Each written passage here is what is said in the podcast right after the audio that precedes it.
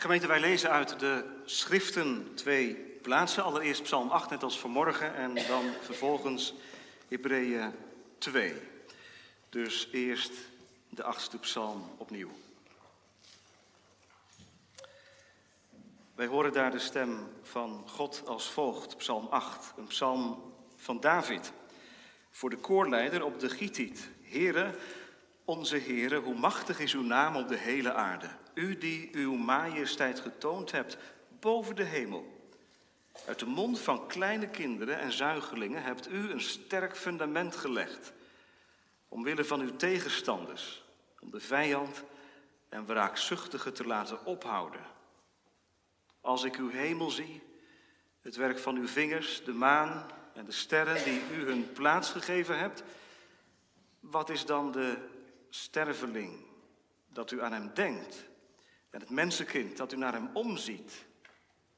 Toch hebt u hem weinig minder gemaakt dan de engelen en hem met eer en glorie gekroond. U doet hem heersen over de werken van uw handen. U hebt alles onder zijn voeten gelegd, schapen en runderen, die allemaal, en ook de dieren van het veld, de vogels in de lucht en de vissen in de zee, al wat over de paden van de zeeën gaat. Heere, onze Heere, hoe machtig is uw naam op de hele aarde. Dan in het Nieuwe Testament Hebreeën 2. Hebreeën 2.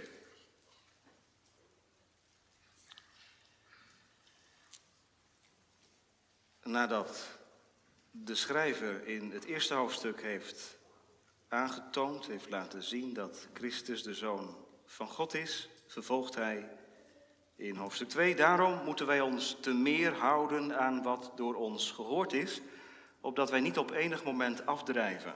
Want als het woord dat door engelen gesproken werd al bindend was, en elke overtreding en ongehoorzaamheid rechtvaardige vergelding ontving, hoe zullen wij dan ontvluchten als wij zo'n grote zaligheid veronachtzamen, die in het begin door de Here is verkondigd en die aan ons is bevestigd door hen die Hem gehoord hebben? God heeft er bovendien mede getuigenis aangegeven, door tekenen, wonderen en allerlei krachten en gaven van de Heilige Geest, overeenkomstig Zijn wil. Want Hij heeft de komende wereld waarover wij spreken niet onderworpen aan de engelen, maar iemand heeft ergens, namelijk in Psalm 8, getuigd. Wat is de mens? Dat u aan hem denkt. Of de mensenzoon dat u naar hem omziet. U hebt hem voor korte tijd minder gemaakt dan de engelen. Met heerlijkheid en eer hebt u hem gekroond. U hebt hem gesteld over de werken van uw handen. Alle dingen hebt u onder zijn voeten onderworpen. Want bij het onderwerpen van alle dingen aan hem heeft hij niets uitgezonden dat hem niet onderworpen is. Nu zien wij echter nog niet dat hem alle dingen onderworpen zijn. Maar wij zien Jezus met heerlijkheid en eer gekroond, die voor korte tijd minder dan de engelen geworden was, vanwege het lijden van de dood, opdat hij door de genade van God voor allen de dood zou proeven. Want het paste hem, om wie alle dingen zijn en door wie alle dingen zijn, dat hij, om veel kinderen tot heerlijkheid te brengen, de leidsman van hun zaligheid, door lijden zou heiligen. Immers, zowel hij die heiligt als zij die geheiligd worden, zijn allen uiteen. Daarom schaamt hij zich er niet voor hen broeders te noemen. Want hij zegt, ik zal uw naam aan mijn broeders verkondigen, te midden van de gemeente zal ik uw lof zingen. En verder, ik zal mijn vertrouwen op hem stellen. En vervolgens zie ik en de kinderen die God mij gegeven heeft omdat nu die kinderen van vlees en bloed zijn, heeft hij eveneens daaraan deel gehad om door de dood, hem die de macht over de dood had, dat is de duivel, te niet te doen. En allen te verlossen die door angst voor de dood gedurende heel hun leven aan slavernij onderworpen waren. Want werkelijk, hij neemt de engelen niet aan, maar hij neemt het nageslacht van Abraham aan. Daarom moest hij in alles aan zijn broeders gelijk worden, opdat hij een barmhartig en getrouw hoge priester zou zijn in de dingen die God betreffen, om de zonde van het volk te verzoenen. Want waarin hij zelf geleden heeft toen hij verzocht werd, kan hij hen die verzocht worden te hulp komen. De tekst voor de verkondiging vinden we in Psalm 8, het vijfde vers. Focus ligt op het vijfde vers. Deze woorden, wat is de sterveling dat u aan hem denkt en het mensenkind dat u naar hem omziet. We zingen straks naar de preek over dat omzien van God met Psalm 138, het derde vers. Hij slaat toch schoon, hoewel oneindig hoog op hen het oog die nederig knielen. Psalm 138, vers 3, straks na de verkondiging. Het thema voor de preekgemeente is: wat is de mens? Hoe groot is God? Wat is de mens? Hoe groot is God? Twee gedachten. Allereerst een verzuchting vanwege onze nietigheid. Dat is het eerste deel. Wat is dan de sterveling en wat is het mensenkind? En dan tweede, verwondering vanwege Gods ontferming. Want er staat, God denkt aan de sterveling en God ziet om naar het mensenkind. Dus verzuchting vanwege onze nietigheid, verwondering vanwege Gods ontferming. Gemeente, deze tekst in de Statenvertaling misschien nog wel het meest bekend bij ons. Wat is de mens dat u aan hem denkt? We halen hem nog wel eens aan. Ik dacht het zelf toen ik een paar weken geleden in het ziekenhuis bij Sjaak Jansen stond. Het schoot door me heen. Wat is de mens? Nou, u hebt dat misschien ook wel gehad. Het ziekbed of het sterfbed van een geliefde. Je komt binnen, je wandelt die kamer binnen en je ziet daar het familielid liggen. En het flitst door je heen, of je uit het misschien zelfs wel. Wat is de mens? Wat zeggen we dan, jongens? Dan zeggen we eigenlijk, wat stellen we voor? Wat zijn we toch nietig als het erop aankomt? En het komt er natuurlijk op aan. Wat blijft er van ons over als ziekte ons lichaam gaat teisteren? En al zouden we het leven gezond uitzingen, wat blijft er van ons over als wij de laatste adem uitblazen? Wat is de mens? Helemaal niets. En je zucht. Je kijkt dan vaak naar beneden, want als je naar beneden kijkt en je ziet iemand liggen, dan zeg je, wat is de mens? Maar David, die kijkt niet naar beneden. David kijkt naar boven. Ziet u dat? Vers 4, we moeten vers 5 in verband met vers 4 lezen. Vers 4 gaat niet over uh, mensen, het gaat over de hemel. Het gaat, kinderen, over de maan en de sterren waar ik het net over had. Als ik uw hemel zie, het werk van uw vingers, de maan en de sterren die u gemaakt hebt en die u hun plaats gegeven hebt. Wat is dan de mens? Dus David kijkt eerst naar boven en vervolgens kijkt hij naar zichzelf. Wat stellen wij voor in vergelijking met die heerlijke schepping? In 1969 kwam de tweede man ter wereld aan op de maan. En hij citeerde Psalm 8. Wat is de mens? Dat gij zijnde gedenkt. Je kunt dat haast niet meer voorstellen. Nu is het een plezierritje geworden. Als je een beetje geld hebt, dan kun je naar de maan. Maar dat was natuurlijk in 1969 nog niet zo. Toen was het nog zo dat iemand uit Psalm 8 kon citeren. Wat is de mens? Hoe weergaloos groot is dat onmetelijke heelal. Het jaagt schrik aan en verbijstering. Wat is de mens? Ik denk dat we dat een beetje verleerd zijn. Of een beetje. Dit kom je natuurlijk niet veel meer tegen. Zo te spreken over de mens. Ik bedoel, we hebben toch ontzettend veel bereikt, jonge mensen. De ontwikkelingen zijn, zijn weergaloos. Vooruitgang is niet te stuiten. We leven in een eeuw van digitalisering en het einde is nog lang niet in zicht. Wat gaat er allemaal nog gebeuren? Geweldig, wat een intellect, wat een denkkracht. We, we hebben geen grenzen. We hebben geen beperkingen. Voor ieder probleem is er een oplossing. Wat is de mens? Als wij dat gebruiken, wat is de mens, dan, dan zeggen wij dat vaak in de verbazende zin van het woord. Dan zeggen nou, wat is de mens? Wat een prestatie. Waar zijn we toe in staat? En dat maakt deze psalm ook wel weer moeilijk om in deze eeuw te verstaan, te begrijpen. Want ja, wij leven in de tijd dat wij onszelf een naam maken. We denken niet aan de naam van God, maar we maken voor onszelf een naam. We leven na Genesis 11. En als ik aan de kinderen vraag, Genesis 11, ja, dat gaat over de torenbouw van Babel. Wat was ook alweer het probleem van de mensen die gingen bouwen? Nou, dat bouwen was het probleem niet. Maar ze wilden concurreren met God. Ze wilden een toren bouwen tot in de hemel. Dat was het probleem. Wij zullen op gelijke hoogte of boven God komen. Zit in ons DNA. Zit ook in het DNA van, van jullie kinderen die je gekregen hebt. Voor weerloos ook. Het komt eruit. Het voor zichzelf een naam maken. En ze hebben alles mee in deze tijd.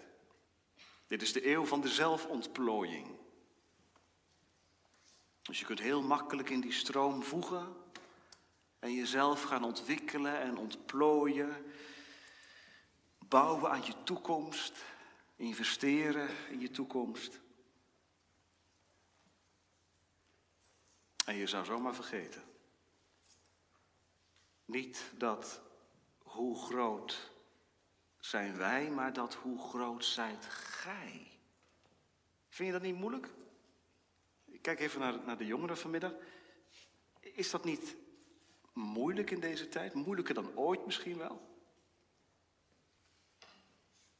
Dat God groot is als je zoveel kunt?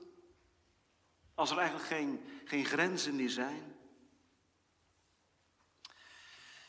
En toch. Psalm 8 heeft het over een sterveling. Hè? Heel terecht vertaalt hij in de Statenvertaling het woordje enos met sterveling. En daarmee typeert de Bijbel ons bestaan. Sterveling. Dus beperkt. Van meet af aan. Met dat je kind ter wereld komt. In ieder mens zit iets kwetsbaars. En wij laten dat af en toe ook toe. Hè? Hebt u ook in de bergen gewandeld? Dan komt er zo'n gevoel boven. Wat ben je klein. Die reusachtige bergen, daar hoef je nog niet eens christen voor te zijn, maar dat is zo'n diep geworteld levensgevoel. Gering zijn we. En doopouders, God onderstreept dat vanmiddag. Als schepsel zijn Tobias en Koenraad stervelingen. In de tweede zin van vers 5 staat mensenkind, been Adam, zoon van Adam. De mens in al zijn vergankelijkheid en kwetsbaarheid, waarvan God gezegd heeft, stof zijt u, bent u en tot stof zult u weerkeren. Waarom zo'n inzet? Waarom zo'n inzet? Om God te leren kennen, gemeente, hebben wij ook kennis van onszelf nodig. Dat ligt in elkaar verstrengeld. Als wij onszelf niet kennen en erkennen dat wij sterveling zijn, op dit punt de Bijbel naspreken, kunnen wij God niet kennen. Die beperktheid en eindigheid van het leven, dat hoort er echt bij, dat te zien. We hebben gewoonweg niet het eeuwige leven. En ik hoop straks ook te laten zien dat dat ook iets verlichtends mag zijn. Dat je dat ook gewoon zegt en beleidt. En dat er een plek is, de kerk, de gemeente, waar je dat ook kunt zeggen. Ik ben beperkt, ik ben een sterveling. Maar dan zijn we er nog niet.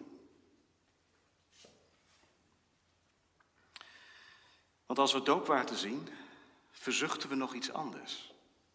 Niet alleen hoe klein en hoe beperkt zijn we, maar ook hoe zondig. We hoorden dat, hè, doopformulier. We zijn aan allerhande ellende, zelfs aan de verdoemenis in Adam onderworpen. Dat wijst aan dat wij God kwijt zijn. Dus we zijn niet alleen kwetsbaar omdat we beperkt zijn, omdat we door een ziekte geveld kunnen zijn, of omdat we sterven gaan, maar we zijn ook kwetsbaar omdat we kind van Adam zijn. Zondaar. Dat is inbegrepen bij dat woord sterveling. Dat laat de mens zien in zijn schepselmatigheid, beperkt, maar ook in zijn zondaars bestaan. Ja, dat had ik al wel gedacht, dat, uh, dat het daarover zou gaan, iemand. Dat is natuurlijk een open deur, hè? Dat moet ook even gezegd worden. Doopwater wijst de zonde aan, kind van Adam, dat weten we wel.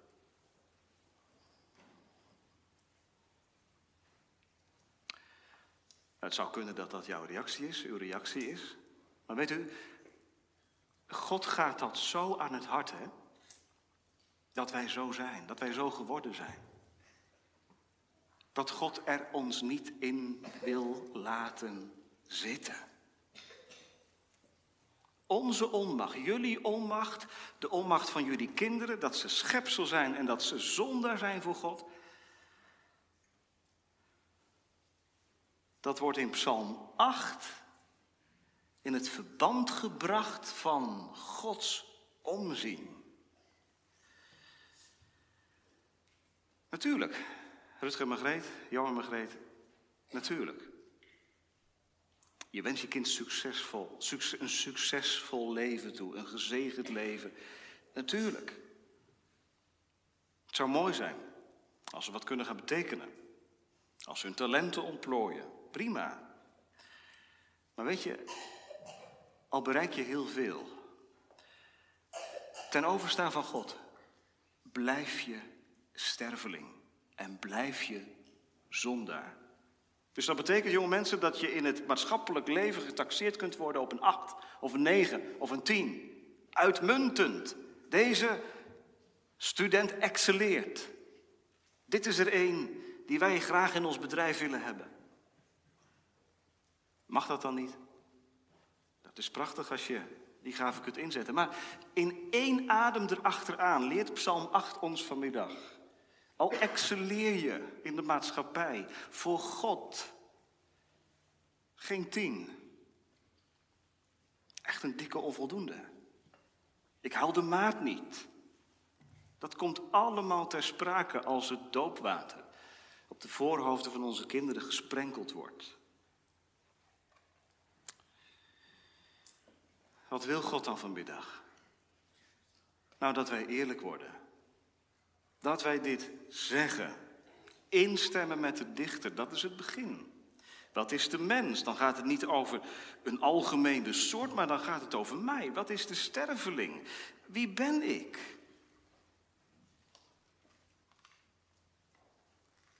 Als je wat ouder wordt, 16, 17, 18, dan kun je die gedachte ook echt hebben. Hè? Dan, dan kom je daar voor jezelf misschien wel helemaal niet uit. Oh, wat ben ik beperkt. Heb je dat wel eens tegen de Heere God gezegd? Heer, wat ben ik? Ik ben een sterveling. Als u mij loslaat, dan ben ik nergens. Het kan ook zijn dat hier mensen zitten vanmiddag die daar keihard tegen aanlopen. Dat ze beperkt zijn, dat ze begrensd zijn. Misschien zitten hier wel mensen met, met een schuldig geweten. Ja, en dan onderstreept, het, onderstreept de preker toch eens een keer dat je zondaar bent. Slecht nieuws. Maar doopouders, dit is het eerlijke verhaal. En dit eerlijke verhaal wil God ons niet door de duwen, maar hij wil dat we het zeggen. Waarom? Dit zondaarsbestaan, gemeente, is geen apart hoofdstuk. Jullie kinderen zijn niet gedoopt om jullie naar huis te sturen met de indruk, het wordt nooit wat. Het zijn zondaren, het zijn kinderen van Adam, hopeloos. De zonde is geen apart hoofdstuk. Maar dit is wel het eerlijke verhaal. Wat is het eerlijke verhaal? Dat het evangelie geen restyling is. Geen fine-tuning. Dat kun je misschien in de opvoeding een beetje doen. Hè? Dat je de scherpe kantjes van het karakter van je kinderen probeert om te buigen, eraf te halen. Maar het evangelie, dat is geen scherpe kantjes eraf halen. Dat is totale vernieuwing.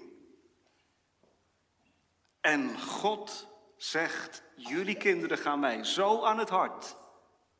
Dat ik die sterveling die jullie ontvangen hebben, waar je zo van geniet, die je koestert, maar die je ook weer een keer terug moet geven.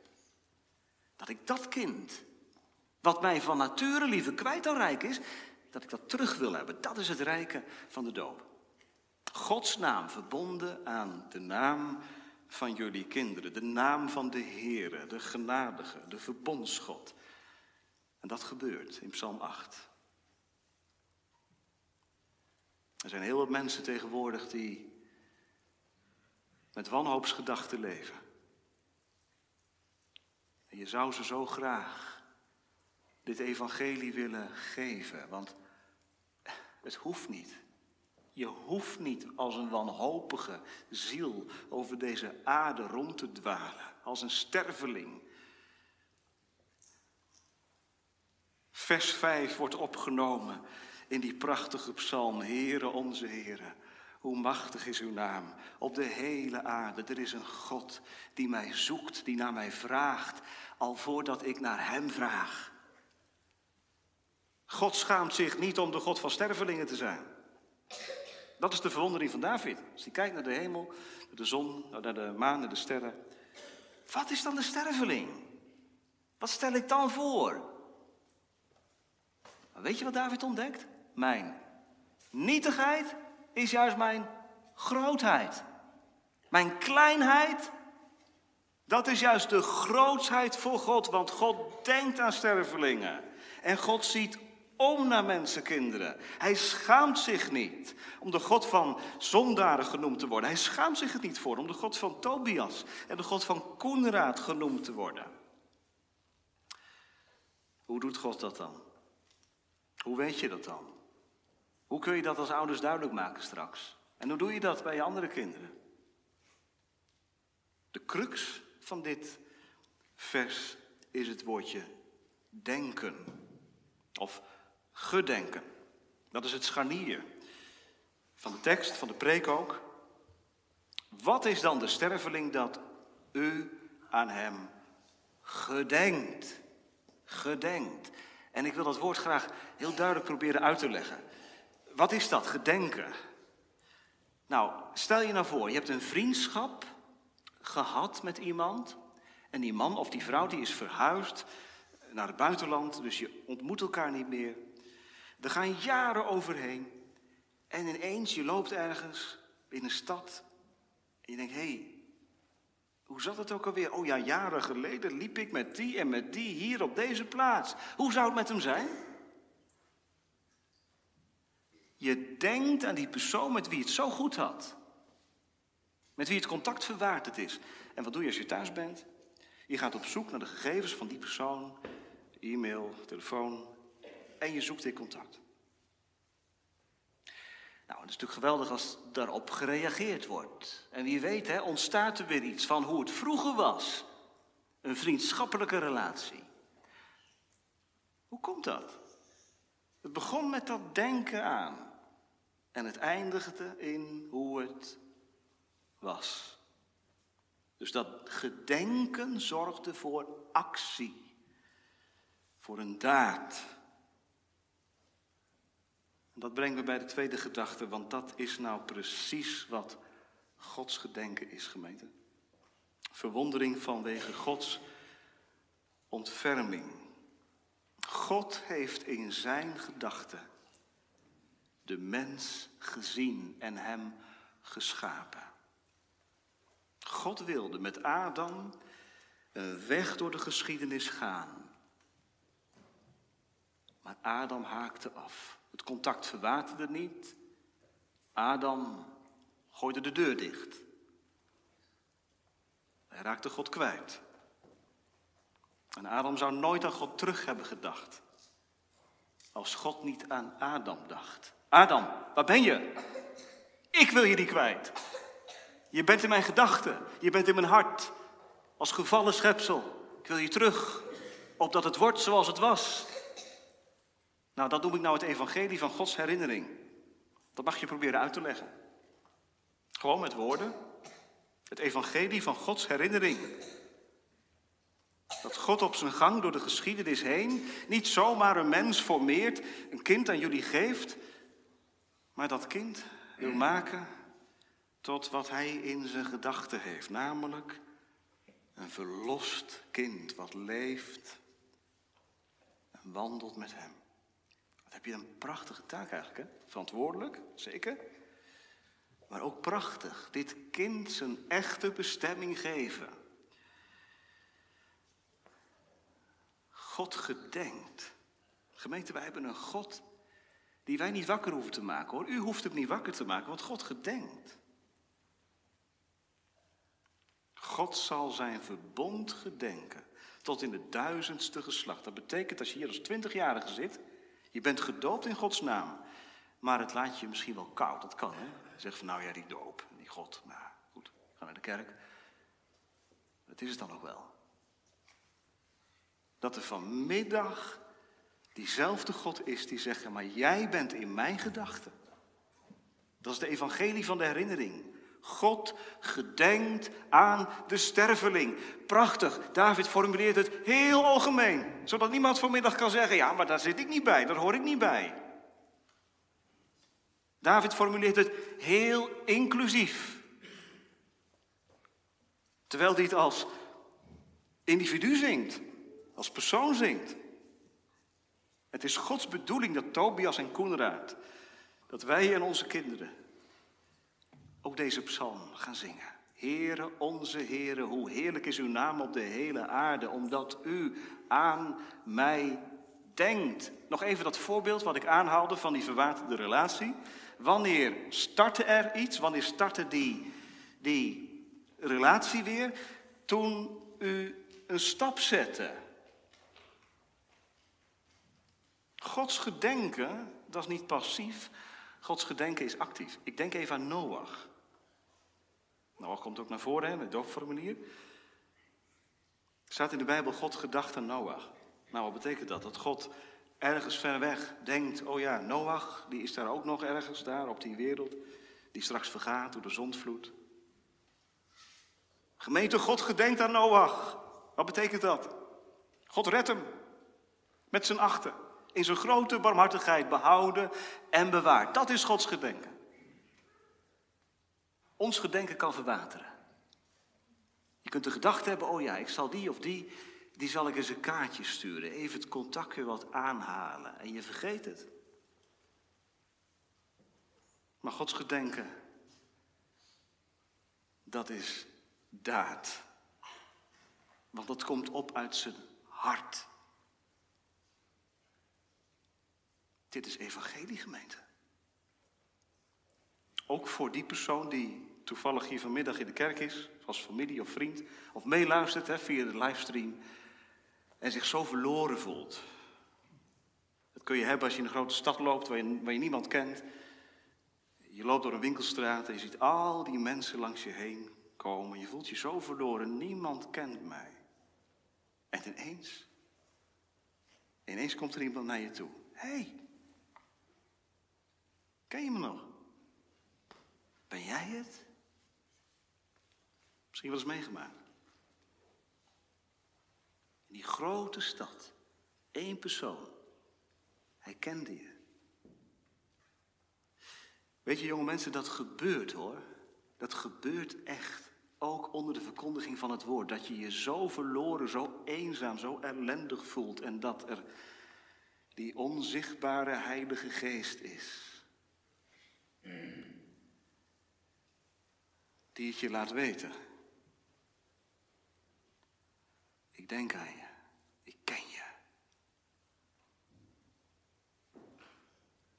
Weet je, dat is een hele bijzondere troost als niemand je begrijpt. Weet je dat? Als je je alleen voelt met je gedachten. En je cirkelt zo naar beneden. O God, u doorgrond en u kent mij. U kent mij. Gemeente, we hebben een God, doopouders. We hebben een God die notitie van ons neemt. Tobias en Koenraad zijn er niet één in de rij van velen. Een, massaproduct. Maar een uniek schepsel, door hem gemaakt. Niet om verloren te gaan. Maar om zalig te worden.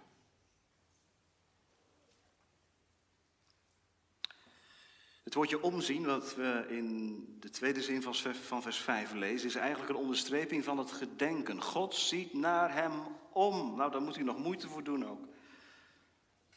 Maar dat heeft hij ervoor over hoor, echt. Hij moet omkijken, hij ziet er naar om, hij buigt zich erover neer. Zo is God. God is barmhartig. U hoeft hem niet barmhartig te maken. God is barmhartig. En hij ziet naar mij om. Gooi dat de duivel alsjeblieft voor de voeten. Als hij je probeert op andere gedachten te brengen. En vanmiddag je in het oor te fluisteren. God, die ziet jou over het hoofd. Hij ziet je niet staan. Hij ziet je niet zitten. Nee, Satan. Wat is de sterveling dat u aan hem denkt? Gemeente, als dit er niet was geweest, dit omzien van God, dan waren wij er geweest, echt. En als u vraagt, waar zie je dat dan? Hoe weet je dat dan? Dat het omzien van God ook echt is geweest. Denk eens terug. En wat er gebeurd is, 2000 jaar geleden. Gods gedenken, Gods omzien. Hoe is dat naar voren gekomen? Hij zond zijn zoon om de weg te gaan die jullie kind ook gegaan is. Van heel klein naar volwassen. En hij deed het als onschuldige, zodat hij met zijn onschuld de schuld van Tobias en Koenraad kan bedekken. God ziet om. God denkt aan mij. Gemeente, daar word je pas echt klein. Daar word je pas echt klein. Je bent klein omdat je schepsel bent en beperkt bent. En als je in het ziekenhuis terechtkomt, dan ontdek je het echt aan den lijve. Je bent beperkt en klein omdat je zondaar bent. Maar weet je, je bent pas echt klein en je wordt pas met recht klein als dit omzien naar jouw werkelijkheid is.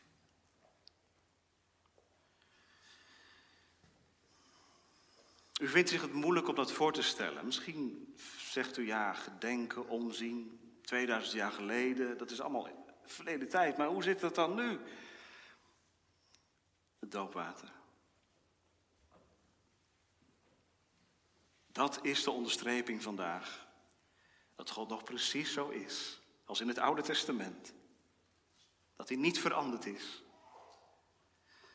En dat hij dezelfde is in zijn trouw en in zijn genade. Dat uit de massa van de mensen hij Koenraad en Tobias trekt. Doopouders, die woorden zijn actief. Hè? God denkt en God ziet om.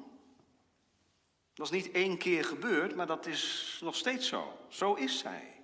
God is dynamiek. God is geen statisch, onbewogen God. Maar God ziet op dit moment naar u om en denkt op dit moment aan u. Waarom? Opdat u aan Hem zult denken. Ja, maar dat verschrikt mij alleen maar. Denken aan God. Schrik slaat om het hart. Ik ben zo onheilig. En God is zo heilig. Waar moet ik me bergen? Bij Jezus. Kom eens mee. Dat mensenkind, wie is dat? En die sterveling, Wie is dat? Ja, Koenraad, Tobias en Jezus. Hebreeën 2. Deze woorden worden geciteerd en betrokken op, op Jezus Christus. Hij is het mensenkind, gezonden naar deze aarde. God denkt vanwege Christus aan mij. Hij onderstreept het met zijn belofte om jullie en jullie kinderen naar hem toe te halen. Opdat de afstand overbrugd wordt. Dat is genade. Dat de afstand overbrugd wordt en dat je God leert kennen in het aangezicht van zijn zoon, Jezus Christus. En dan zegt Hebreeën 2, deze God schaamt zich niet om de God van zondaren genoemd te worden. Nou, wat wil je nog meer? God van zondaren. Dat betekent dat Hij jullie en jullie kinderen hebben kan. Zoals ze zijn. Zoals ze ter wereld kwamen. En dat Hij er ook iets aan kan doen. Dat Hij er raad mee weet. We hebben een God die genadig is. En barmhartig. Rechtvaardig. En groot van goede tierenheid. Ik zou willen dat ik hiervan leefde. Het doet me denken aan een predikant die eens in het ziekenhuis kwam en op bezoek ging bij iemand. En toen uitte, wat ik zelf ook uitte recent. Hij kwam aan het ziekbed van een man en die man zag er heel getekend uit. En die dominee zei, wat is de mens? En de man sloeg zijn ogen op. En nu verder, zei hij. En zijn ogen straalden. Dat gij zijner gedenkt. Dominee kwam op bezoek. Maar die man kwam bij de dominee op bezoek. Want dit was iemand die leefde van genade. Veel raakte die kwijt. Veel moest hij loslaten. Maar hij leefde van het omzien van God. Leven wij ervan? Leeft u ervan? Van het omzien van God, daar moet ik het van hebben. Ik voel me zo machteloos, zo gebonden. Ja, maar God kan erin komen. Hij ziet om en hij gedenkt. En Jezus verschijnt daar, waar de nood het hoogst is en de zonde het diepst. Ga nou niet proberen om in Gods raad in te dringen. En je af te vragen, ja, maar is dat wel voor mij? Je vindt Gods innerlijke ontferming niet door je af te peigeren met die vraag. Je vindt Gods ontferming daar, waar die op het heerlijkst naar voren kwam. In de zending van zijn zoon. In de gave van het liefste wat hij had. Dat zegt hij toe in de doop. Ik wil, ik zal, ik doe het. En alles wat in Christus is, dat wil de Heilige Geest, Koenraad en Tobias, toe-eigenen. Zodat ze gaan leven van wat hier staat. En met David het koor vormen van kleine kinderen en zuigelingen. Denk even aan vanmorgen. Die gemeente rond het kruis. Dwazen, verachten, kwetsbaren. Maar ze leven van het omzien. En zij zijn overwinnaar. Meer dan overwinnaar. Door Jezus Christus, als ik mijn ogen sluit en dit aardse leven voorbij is. En ik leef van het omzien en het gedenken van God aan mij in Christus. Zal niets mij kunnen scheiden van de liefde van God in Christus. Daar hebben we om gebeden. Dat jullie kinderen straks in de gemeente van de uitverkorenen geheel rein een plaats zullen ontvangen. Nou, dat is bij God vandaag geen misschien, echt niet. Dat is echt zo. Zo is God. Hij wil niet dat wij buiten blijven staan. En daarom denkt hij aan hem. Rutger en Margreet, Jo en Margreet, beeld het uit, zing het voor, leef het voor, lees het, zodat jullie kinderen niet met een benauwd en beklemd beeld van God opgevoed worden, maar met een ruimhartig, barmhartig godsbeeld. Waar ze terecht kunnen, niet alleen met zorgen, maar ook met zonde. Waar ze vinden wat ze nodig hebben. Redding, troost, zekerheid. Wat is de mens? Dat u aan hem denkt. Gemeente, buigt u mee vanmiddag. Want God is een God die, hoewel hij hoog woont, laag neerziet.